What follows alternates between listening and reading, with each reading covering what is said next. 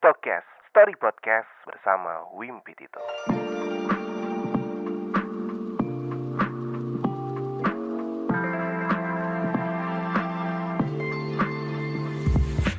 Balik lagi barengan sama Wimpi Tito di Stokes Story Podcast dan sekarang waktunya Stokes News. Wow, udah uh, episode ke-6 Stokes News dan masih tetap dan terus berusaha konsisten untuk bikin dua segmen dalam satu minggu atau dua program kali ya. Dua program, dua segmen lah ya. Kalau program ya programnya Stokes Story Podcast. Nah, ya gue bodo amat lah intinya lagi berusaha untuk bikin dua dua konten per minggu ya mudah-mudahan uh, bisa terus konsisten dan sekarang waktunya Stokes News um, apa kabar lo di minggu ini minggu ini bener-bener apa ya banyak berita-berita yang viral cuman gue nggak mungkin bacain semuanya dan gue nggak mungkin nyampein semuanya yang paling apa ya yang paling gue tunggu-tunggu sebenarnya um, bukan masalah beritanya apa, tapi minggu depan mungkin ini yang ditunggu-tunggu sama semua orang muslim yang ada di dunia. Yes. Benar banget bulan Ramadan. Minggu depan kita sudah memasuki bulan Ramadan. Gua mewakili uh, tim dari Stokes mau apa ya? Mau minta maaf kali ya. Mau minta maaf, final aja faizin, uh, mohon maaf lahir dan batin, mau maaf-maafan lah ya sebelum puasa Semoga puasa kita di tahun ini diberi keberkahan. Amin. Amin amin. Gokil ya, puasa dikit lagi. Anjrit, anjrit, anjrit. Banyak hal sih ya, banyak hal yang pasti berbeda dibandingkan puasa era-era waktu gue masih sekolah ya, masih SD, masih SMP kayak misalkan uh, jujur aja makin ke sini, ini ini jujur aja ya, makin ke sini gue uh, jarang untuk sholat raweh. jarang bukan berarti males loh ya bukan berarti gue males sholat raweh tapi uh, keadaan atau situasi kerja yang bikin gue untuk ya kayaknya nggak mungkin teraweh di masjid atau di musola. Tapi mau nyam, uh, mau teraweh di rumah juga kayak udah kecapean juga ya gue karena balik dari kantor ada kerjaan sekitar jam 8an lah nyampe rumah. Dan kayak nggak mungkin untuk bisa ikutan traweh di masjid atau musola terdekat ya. Dan mau apa namanya mau traweh di rumah pun kayak males ya sebenarnya nggak boleh. Eh uh, habis traweh gue sudah dibiasakan traweh tuh enaknya di mes enakan di masjid ya enakan di musola enakan rame-rame gitu enakan jamaahan gitu. Dibandingkan traweh sendiri di rumah. Um, apa ya esensinya nggak dapet aja gitu kalau traweh di rumah ya nggak sih? Apa cuman gue doang yang ngerasa gini? Ya emang dasar lu Wim. Males traweh karena udah dua tahun ini gue kayaknya traweh itu bisa dihitung dengan jari kali ya soal traweh tapi kalau ngomong-ngomong tentang, tentang traweh itu bener-bener ya uh, momen yang gue kangenin banget sih ya ketika uh, traweh uh, cuman 11 rakaat abis itu keluar dari masjid terus kita main petasan. Uh, kalau dulu sih uh, selain main petasan uh, terus juga kayak perang sarung yang sarungnya tuh di apa namanya digulung habis itu ujungnya diikat ya kan jadi selpetan terus main tak batu tujuh. Kenapa namanya tak gitu ya? Tak batu tujuh tak umpet tak jongkok. Ada tak kayak gue nggak ngerti. Ya pokoknya gitulah momen-momen yang dikangenin pada saat-saat uh, sholat raweh itu ketika main keluarnya sih ya. Jadi di tengah-tengah traweh tuh keluar semua ya kan. Nggak nyampe selesai terus kita main-main gitu lah kangen sih ya traweh kangen apalagi sen traweh ngabuburit ngabuburit gue udah nggak mungkin bisa ya. Kalau zaman dulu mungkin ketika gue masih SD gitu masih bisa sempet ngabuburit atau jalan-jalan sore sama bokap gitu atau mungkin sama teman-teman gitu. Masih sempet ngabuburit apalagi uh, ya ngabuburit sekalian nyari takjil kali ya. Wih. Wow, dikit lagi Ramadan nih teman-teman, ci gitu teman-teman. Ya pokoknya minggu depan kita sudah memasuki bulan Ramadan, jadi sekali lagi gue mewakili tim Stokes mau uh, minta maaf kalau ada salah-salah kata, mau puasa. Ya sekali lagi gue mau ngucapin uh, semoga uh, diberkahi puasa Ramadan di tahun ini, tetap semangat, tetap jaga kesehatan walaupun masa lagi sulit banget eranya lagi pandemik gini nggak asik banget nggak bisa mudik segala macem. Ya dijalanin aja. Ya mau gimana? Kita mau ngel lu mau ngeluh juga susah gitu. Jadi dijalanin aja sebisa mungkin. Yang penting sehat ya. Oke? Oke oke dong. Masa nggak oke sih? Yang pasti minggu depan deh ya. Gue kayak bakal bahas kegiatan-kegiatan bulan puasa tuh kayak minggu depan aja ini cuman sedikit aja pembukaan uh, di Stokes News uh, episode kali ini dan ada yang berbeda sih gue kalau eh bentar gue masih mau ngomongin tentang bulan puasa ada yang berbeda puasa gue tahun ini sama puasa gue tahun lalu di mana tahun ini gue sudah menjalani uh, bulan Ramadan ini bersama istri dan sebagai suami. Wih, kalau tahun lalu kan masih single ya, masih lajang nih, masih apa ya? Masih hidup sendiri gitu. Belum punya pasangan pasangan dalam tanda pasangan hidup ya. Sekarang gue udah berkeluarga jadi kayaknya ini adalah puasa pertama gue di mana gue telah menjadi seorang suami dan Ramadan pertama dalam rumah tangga sih ya mengasihkan. Tapi kalau ngomong-ngomong tentang rumah tangga nggak jauh dong sama ya kalau mau berumah tangga ya berarti harus nikah dulu ya Nah ngomong-ngomong tentang nikah nih ada berita yang lumayan viral kemarin ya. Jadi ada uh, pria terlihat di pelaminannya itu cuma memakai celana pendek dan tidak memakai baju, tapi berkalungkan uh, tahu gak sih kalung bunga melati gitu ya kayak orang nikahan. Yes, betul. Jadi ada yang mengalami luka-luka di pelaminan. Waduh tahu kan ceritanya kemarin tuh ada beredar foto jadi uh, laki-laki tersebut itu tangannya tuh kayak uh, diperban banyak luka di mana-mana di kaki di pundak terus kayak patah tangan gitu. Kabarnya sih um, orang itu kecelakaan sebelum menikah. Nih gue bacain. Gue dapat berita ini dari suarajatim.id Uh, sebuah foto di media sosial warga Jawa Timur, seorang pria penuh luka, bertelanjang dada dan hanya memakai celana kolor duduk di pelaminan sama pasangannya. Nah ini bukan bercanda, gue kasihan juga sih ya, ngeliat muka si cowoknya. Jadi si pria ternyata uh, mengalami musibah kecelakaan menjelang resepsi pernikahannya. Alhasil, uh, ia harus duduk di pelaminan sama pasangannya namun dengan kondisi yang sangat mengenaskan. Waduh, kasihan ya. Jadi akun Instagram @infonganjuk itu mengunggah foto uh, tersebut sembari memberi keterangan uh, artikel dari salah satu media sosial yang mengatakan kalau foto itu benar adanya. Jadi si mempelai perempuan bernama Elinda Dwi Kristiani, sementara foto pria itu penuh luka mem, apa nih? Mempelai pria bernama Suprapto Pernikahan keduanya sendiri dilaksanakan pada 2 April 2021 lalu. Jadi pernikahan digelar di kediaman mempelai perempuan di daerah Lengkong, Kabupaten Nganjuk, Jawa Timur. Waduh, gue lagi nyari uh, ada gak sih ceritanya dia?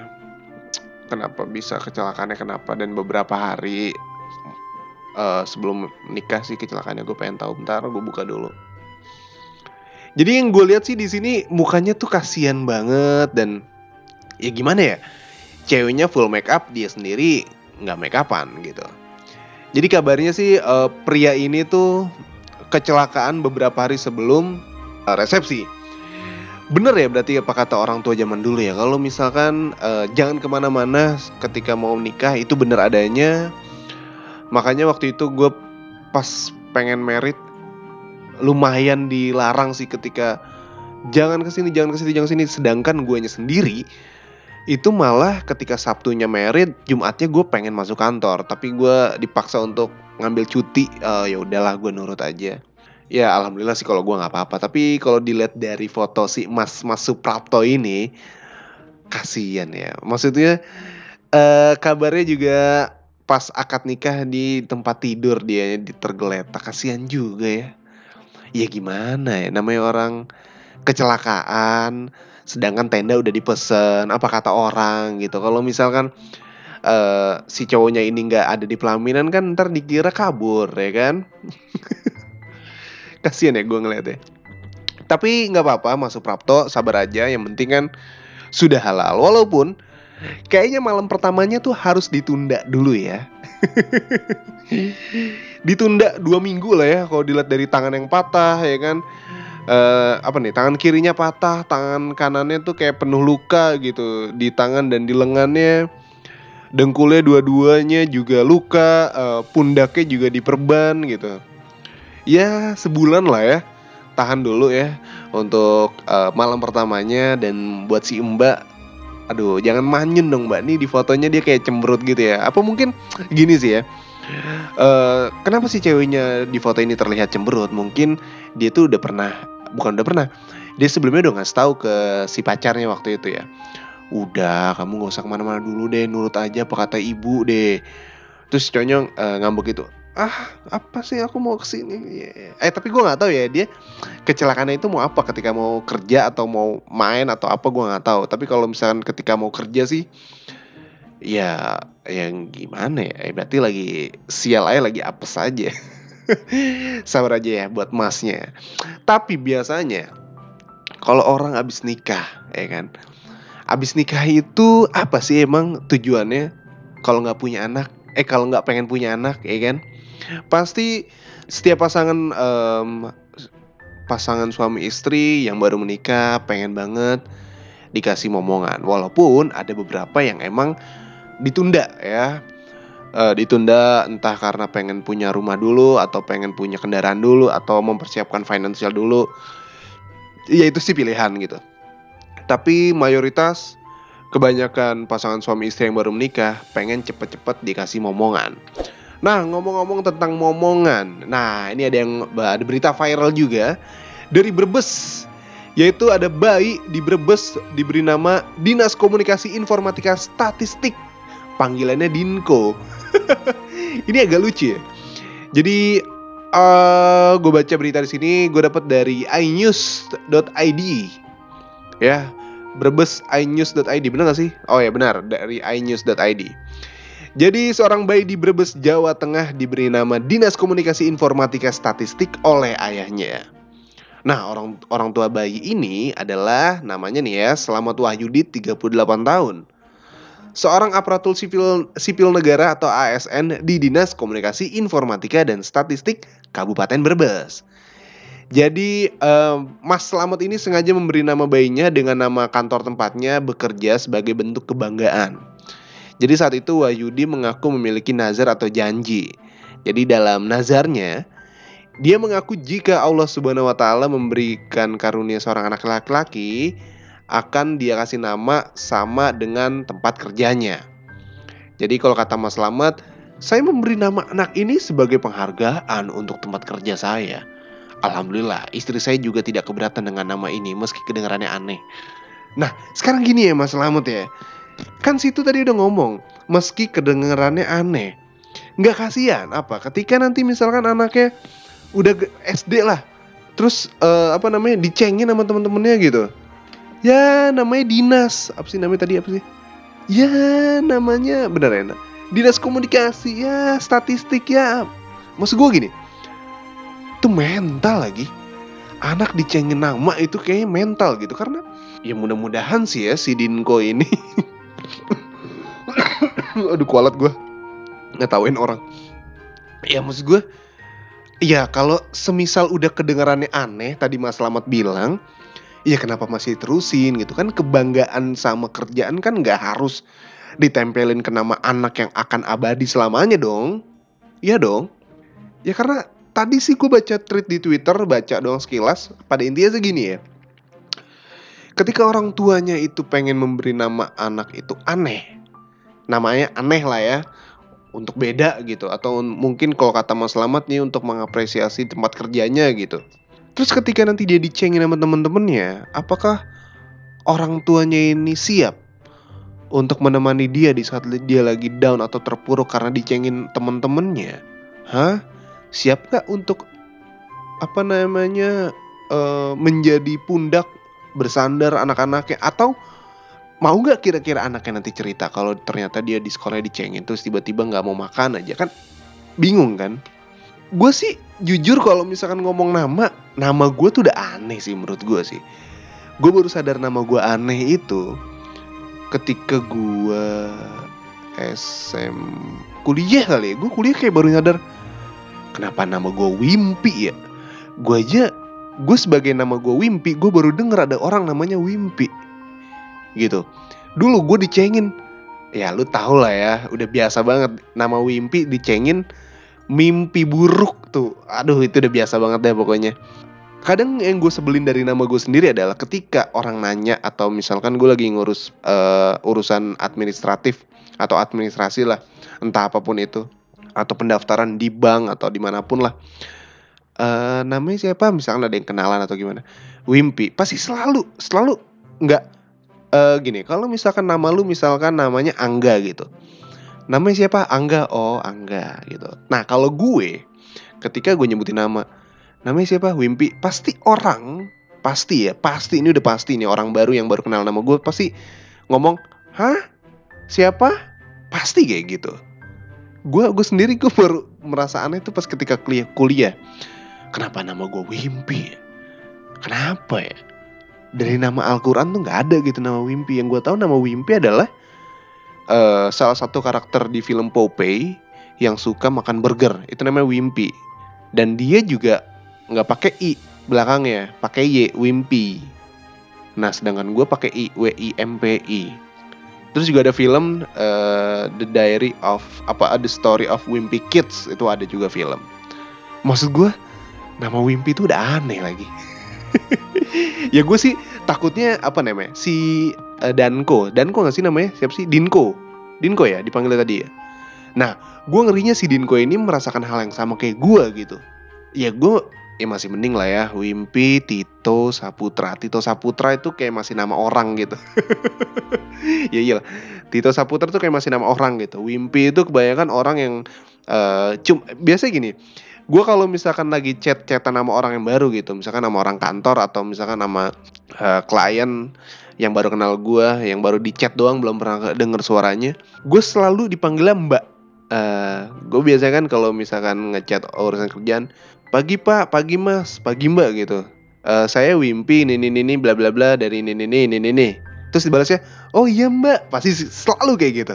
Identik nama Wimpi emang cewek ya? Gue baru tahu gue sih belum pernah tahu ya uh, ada cewek yang namanya Wimpi gitu tapi kalau ini sih benar-benar menurut gue aneh sih ya namanya siapa Dinas Komunikasi Informatika Statistik.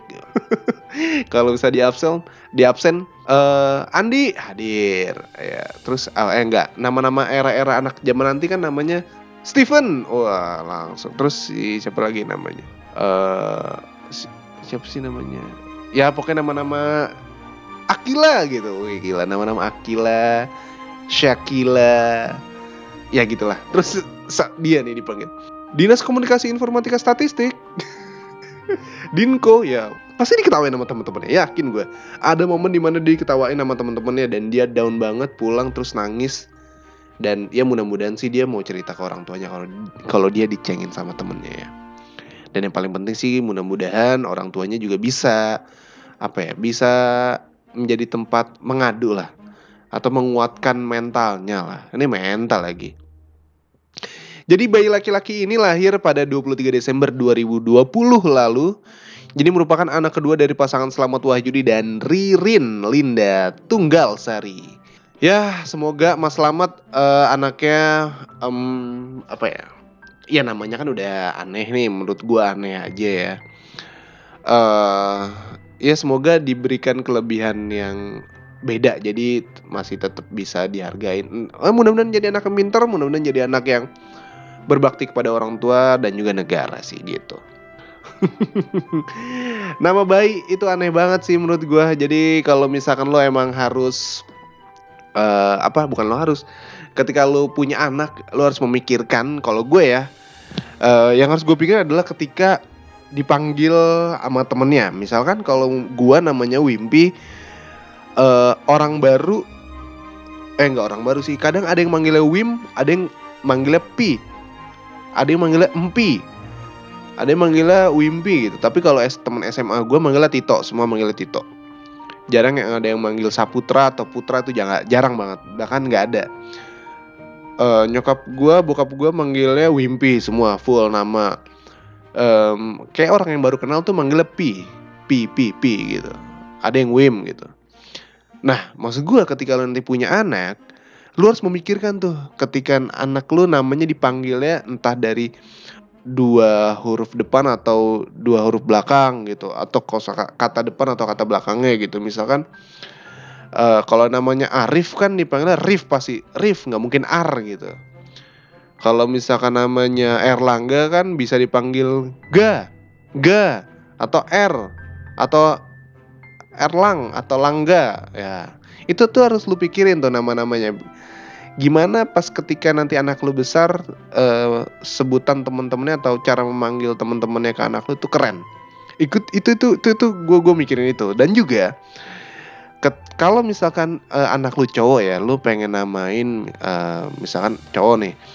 Kalau gue berpikir ya, gimana pada saat nanti dia punya pacar, terus ceweknya manggil dia dengan manja. Iya. Yeah. kan biasanya tuh cewek cewek-cewek kalau manggil manja tuh misalkan kayak namanya siapa ya? uh, namanya Abi. Oh, gue pakai nama temen gue deh, Abi Manyu. Ya kan? Kalau misalkan nama teman-teman sih manggilnya Manyu, ya kan? nyu, nyu, nyu gitu. Tapi kalau misalkan coba deh, lu misalkan nama anak lu Abi Manyu, ya nggak mungkin dong ceweknya manggilnya Manyu juga pasti manggilnya Abi. Yeah. Terus kalau ceweknya lagi uh, apa namanya lagi kayak lagi apa sih uh, bukan kolokan, manja gitu manggilnya Abi bi yeah, kan enak gitu ya abi bi yeah. Coba uh, namanya misalkan eh gue gue bukan bukan uh, bukan uh, menjelekan nama Joko ya. Ada teman gue nama Joko dan dia pintar. Tapi kalau Joko kan panggilnya kalau misalkan ceweknya lagi manja kan Jok. Jok. Atau Ko. Ko.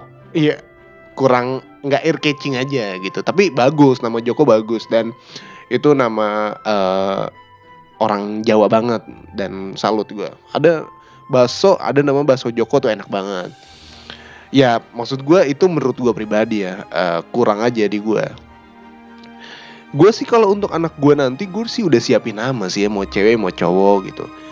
Dan gue nggak gue bukan tipe uh, nyari nama anak yang uh, Shakila Aquinila aku apa gitu. Pokoknya ada kata Q S X lah segala macam enggak enggak dan uh, nama anak gue juga standar nama Indonesia. Dan ya nama Indonesia lah intinya. Nggak bisa gue kasih tahu sekarang nanti ya ada yang nyolong lagi ya kan? Ya pokoknya itu sih. Kayak nama-nama uh, anak lu nanti harus dipikirin juga dan juga ingat kalau misalkan dia nanti ujian nasional itu bulet-buletinnya repot men. Asli. Lo harus harus mempermudah anak lo dong mempermudah anak lo ada ada, ada. temen gue satu. Uh, namanya Endros namanya Endros itu menurut gue unik juga namanya. E N D R O S to dah. Endros keren menurut gue anjrit karena baru ini gue kenal nam, temen namanya Endros atau baru dengar nama apa namanya? Nama ada nama orang namanya Enros ya itu temen gue doang satu. Sisanya nggak ada menurut gue nama aneh dan keren salah satunya itu Enros tuh keren banget ya dipanggilnya Dros nggak mungkin N. Karena anak-anak manggilnya Dros Dros yeah.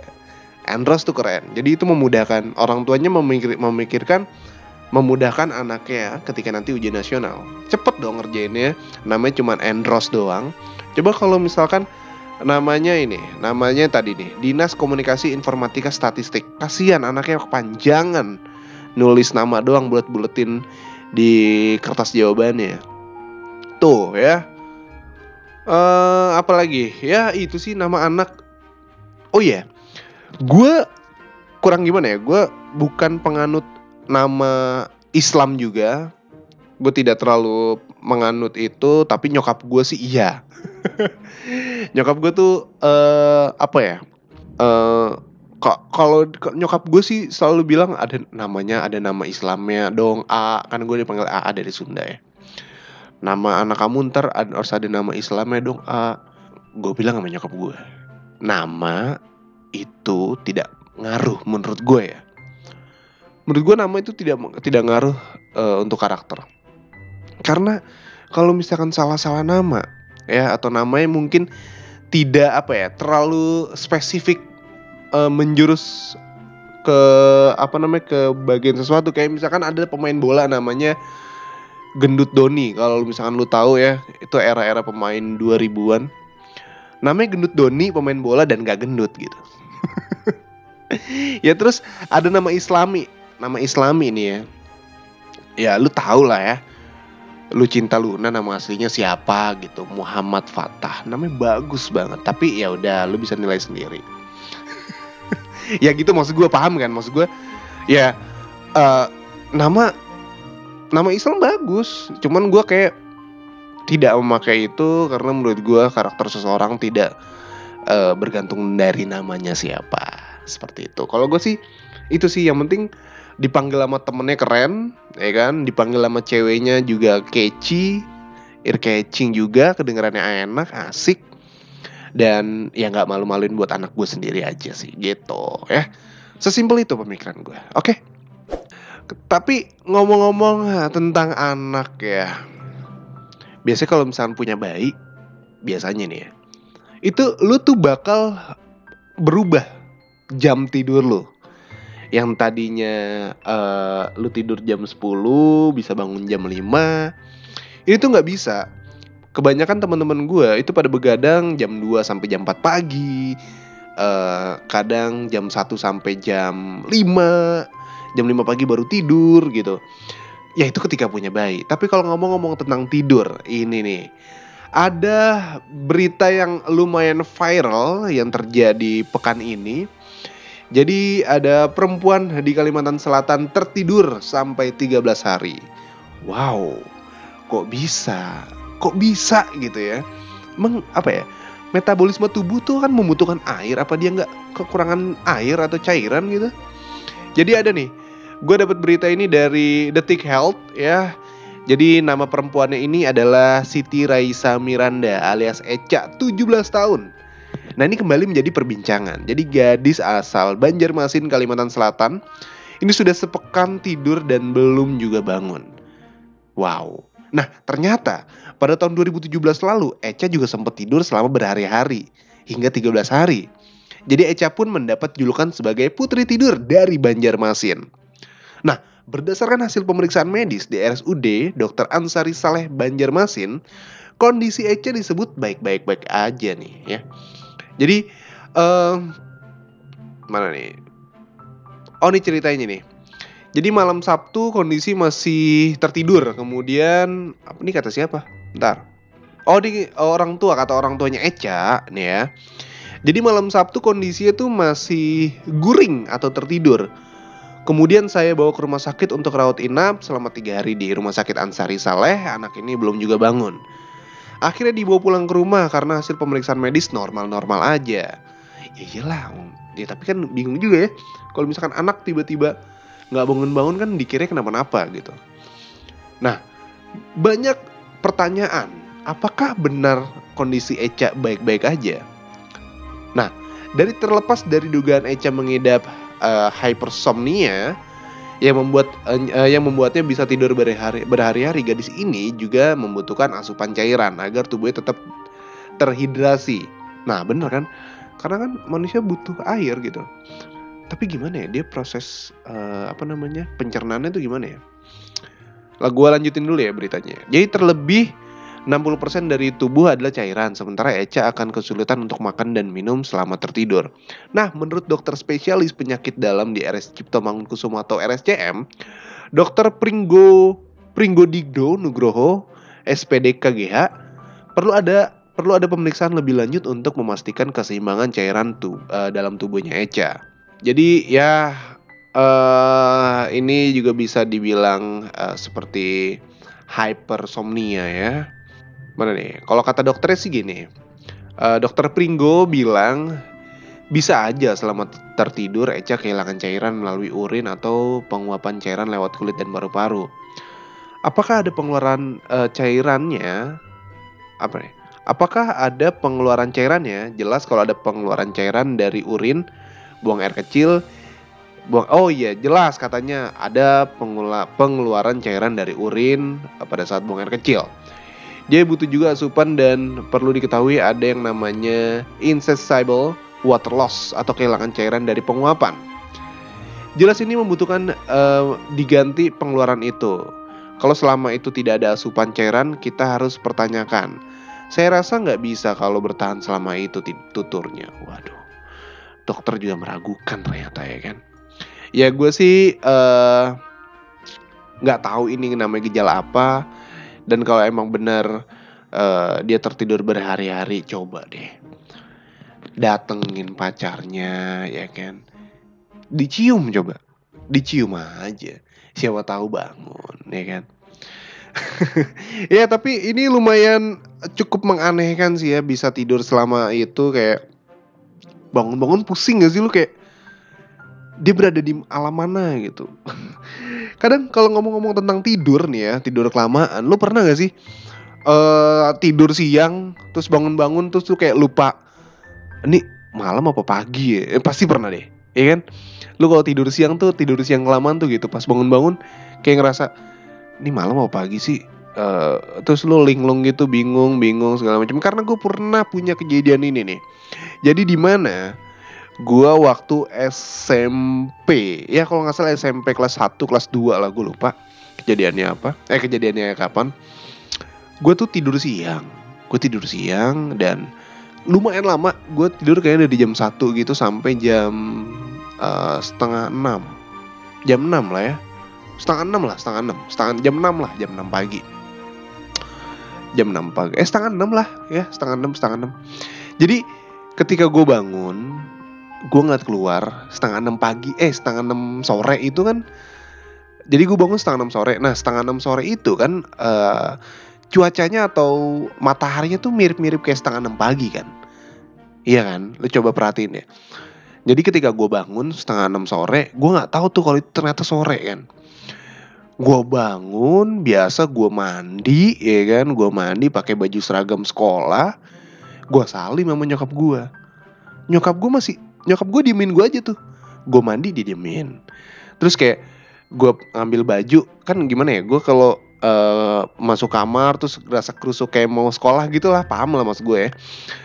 Uh, nyokap gue masih diemin gue aja. Jadi ketika gue pakai seragam nyokap gue di masih diemin gue aja gue masih uh, diiyain gue nanya bu ini mana? Gesper apa dasi? gitu. Ada di situ nyokap gue tuh iseng banget emang. Gue diem aja akhirnya ya udah selesai pakai sepatu gue salim. Masih disalimin loh. Masih disalimin dan didiemin aja loh. Gue gue rada bingung kok. Waktu itu bokap gue agak sedikit ketawa gitu. Lah gue juga anehnya kok. Kok pada seger banget. Nggak kelihatan kayak muka bangun bangun tidur. Cuman kan gue nggak sadar ke situ ya. Akhirnya setengah enam eh jam enam lah jam enam. Gue udah beres. Gue mau siap berangkat sekolah gue udah salim. Azan dong tiba-tiba azan. Ya gue bingung ya. Lah kok jam 6 azan kok? Subuh? Jam 6 gitu gue bingung. Eh ternyata banyak tuh bocah-bocah yang mau sholat sholat di masjid. Lah ah astagfirullahaladzim. Gue langsung diem tuh. Ya Allah ini maghrib ya? Gue kira subuh. Ternyata maghrib kampret banget. Dan keluarga satu keluarga tuh ketawa semua dan ya gimana ya mungkin nyokap gue agak kesel juga kali ya. Gue tidur kelamaan tidur siang kelamaan nggak bantuin dia nggak beres-beres rumah atau segala macam akhirnya dikerjain dikerjain sekalian gitu. Gimana lu pernah nggak sih punya pengalaman linglung gitu? Separah apa sih linglung lu? Dan baru sadar itu berapa lama? Kalau gue sampai segitu lama banget gue sadar ya karena gue kira setengah enam itu benar-benar cuacanya tuh kayak setengah enam pagi soalnya. Jadi ya udah gue seperti biasa mandi pakai seragam ya kan. Berangkat sekolah ternyata itu maghrib bukan pagi. Wah itu efek gara-gara tidur kelamaan tidur siang kelamaan jadi ya gitu. Nah gue nggak ngerti nih. Si siapa namanya Echa ini bangun-bangun dia apa yang dia inget kan linglung pasti. Waduh tidur kelamaan tuh pasti linglung sih. Yakin gue ya mudah-mudahan sih nggak apa-apa ya uh, semoga apa yang dirasakan atau ya hypersomnia ini tidak ada efek sampingnya. Ya. Apalagi ya udah kali ya udah setengah jam nih. Udah setengah jam gue nemenin, eh, nemenin lo di Stokes News. Semoga berita-berita uh, episode kali ini ya lumayan nemenin lo di MRT lah ya atau lagi di ojek online gitu. Pokoknya hati-hati di jalan yang lagi di jalan dan yang lagi nyantai selamat bersantai, yang lagi kerja selamat bekerja. Sekali lagi uh, gua mewakili tim Stokes. Mau uh, minta maaf minal izin wal faizin mau puasa. Semoga puasa kita diberi kerba, uh, keberkahan dan diberi kelancaran uh, di tahun ini puasa tahun ini. Ya udah. Kalau begitu terima kasih banyak sudah mendengarkan Stokes News sampai jumpa minggu depan yang pasti minggu depan sudah memasuki bulan Ramadan. Wimpi tetap pamit. Minal izin wal faizin mohon maaf lahir batin. Ciao